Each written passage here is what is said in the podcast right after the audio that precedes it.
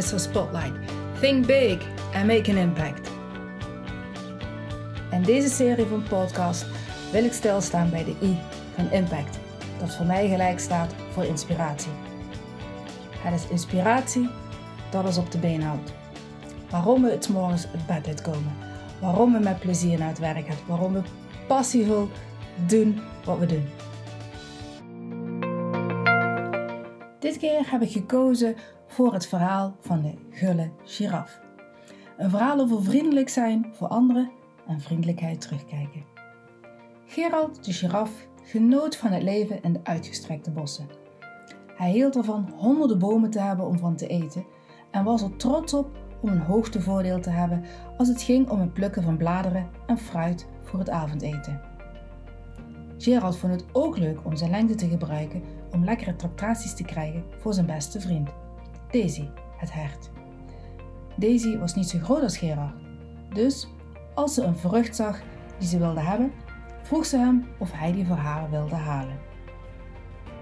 Hé hey Gerard, riep Daisy, daar, een smakelijk uitziende mango daar met mijn naam erop geschreven. Heb je zin om die voor mij te pakken? Gerard grinnikte van plezier, omdat hij wist dat hij geen verzoek van Daisy kon weigeren. Hier ga je, mijn vriend, zei hij, nadat hij de mango had geplukt en aan haar had gegeven. Geniet ervan. Op een zondag, een paar weken later, had Gerald echt zin om mango's te eten als avondeten. Hij ging wandelen om te zien of hij er een paar in de boom kon vinden. Hij zocht door en door, maar hij vond niks. En hij was erg teleurgesteld. Daisy draafde kort daarna langs en merkte dat Gerald daar neerslachtig een beetje voor zich uit zat te staren. Wat heeft je zo verdrietig gemaakt op deze mooie zondag, Gerald? vroeg ze. Na zijn uitslag gehoord te hebben, zei Daisy: Blijf zitten, vriend. Ik ben zo terug. Daisy rende terug naar een hoog grasveld waar ze een paar mango's bewaarde die Gerard eerder aan haar had gegeven. Ze hield er namelijk een paar achter voor het geval ze later trek zou krijgen in mango's. Ze pakte er een paar en rende terug om ze aan Gerard te geven.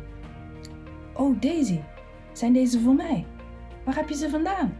vroeg hij. Nou, ik heb een paar mango's bewaard. Elke keer als jij zo vriendelijk was om ze voor mij te plukken. Dus nu is het mijn beurt om iets terug te doen, antwoordde ze.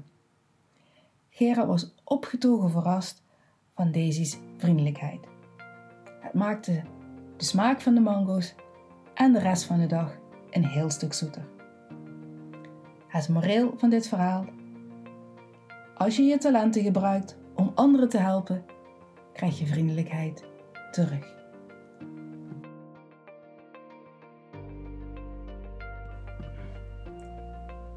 Gerard de giraf gebruikte zijn lengte voor graag om anderen in nood te helpen.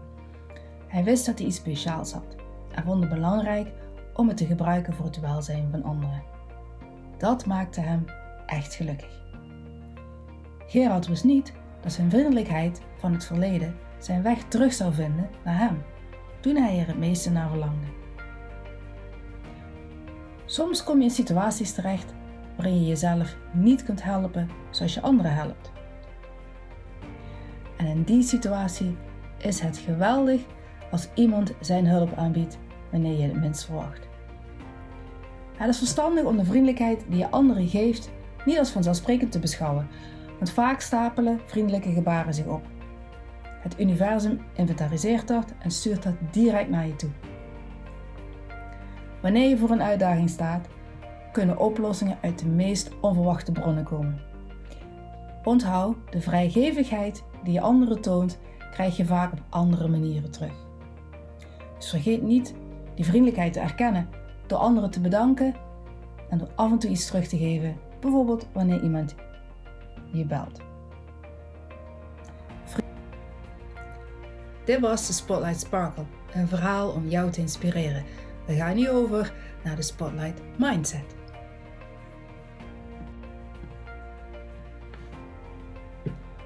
Vriendelijke woorden doorbreken barrières. Vriendelijke woorden doorbreken barrières die in de wereld bestaan. Ik ben ervan overtuigd dat het uiten van positieve gevoelens naar anderen helpt om eenheid te bereiken. Mijn aandacht gaat elke dag uit naar het bereiken van eenheid, de oprechte en zorgzame woorden. Mijn familie is heel belangrijk voor me. We hebben soms tegengestelde meningen, maar ik vermijd mijn kalmte te verliezen. Ik ben voorzichtig met het delen van onvriendelijke woorden om mijn gevoelens niet te kwetsen. Het is belangrijk om open communicatie aan te moedigen als beide partijen zich soms veilig voelen. Geruststellende woorden gebruiken helpt mij om dat gevoel bij mijn kinderen op te bouwen. Ze stellen zich open en praten met me over uitdagingen waar ze voor staan. Als mijn collega's zich om wat voor reden dan ook van mij losgekoppeld voelen, stel ik me voor hen open. Ik deel vriendelijke en verwelkomende woorden om het ijs te breken. Door mijn collega's te laten weten dat mijn intentie eervol is, worden ze opener voor samenwerking. Teamleden werken beter samen als er een ondertoon van vriendelijkheid in de omgeving is. Zelfs als ik het niet eens ben met iemands gedrag, vermijd ik het hem hard te bekritiseren. In plaats daarvan moedig ik hem of haar aan om andere opties te proberen om het resultaat te zien. Mijn strategie is om op de goede weg te blijven en verschil van mening te omarmen. Dit helpt anderen zich op hun gemak en geaccepteerd te voelen. Vandaag erken ik dat barrières doorbreken een voortdurende uitdaging is. Ik neem me voor om in elke situatie vriendelijkheid te injecteren. Ik ben ervan overtuigd dat mijn vriendelijke woorden helpen om saamhorigheid en respect aan te moedigen. Dit was hem voor vandaag. De Spotlight Sparkle en de Spotlight Mindset. Mijn naam is Larissa Ignatio, de power achter Larissa Spotlight. Wil je meer inspiratie? Download dan mijn e-magazine. 16 pagina's vol met inspiratie van gerenommeerde sprekers die eerder bij mij te gast zijn geweest. Ook heb ik een mini e-zijn voor je gemaakt met tips hoe jij als spreker je netwerk kan inzetten om meer opdrachten binnen te halen. Mijn missie is jou te helpen meer impact, meer succes te creëren langdurige relaties en krachtige samenwerkingen te bouwen. Maak je eigen regels. Stap uit je comfortzone, denk groot en maak impact. Tot de volgende keer!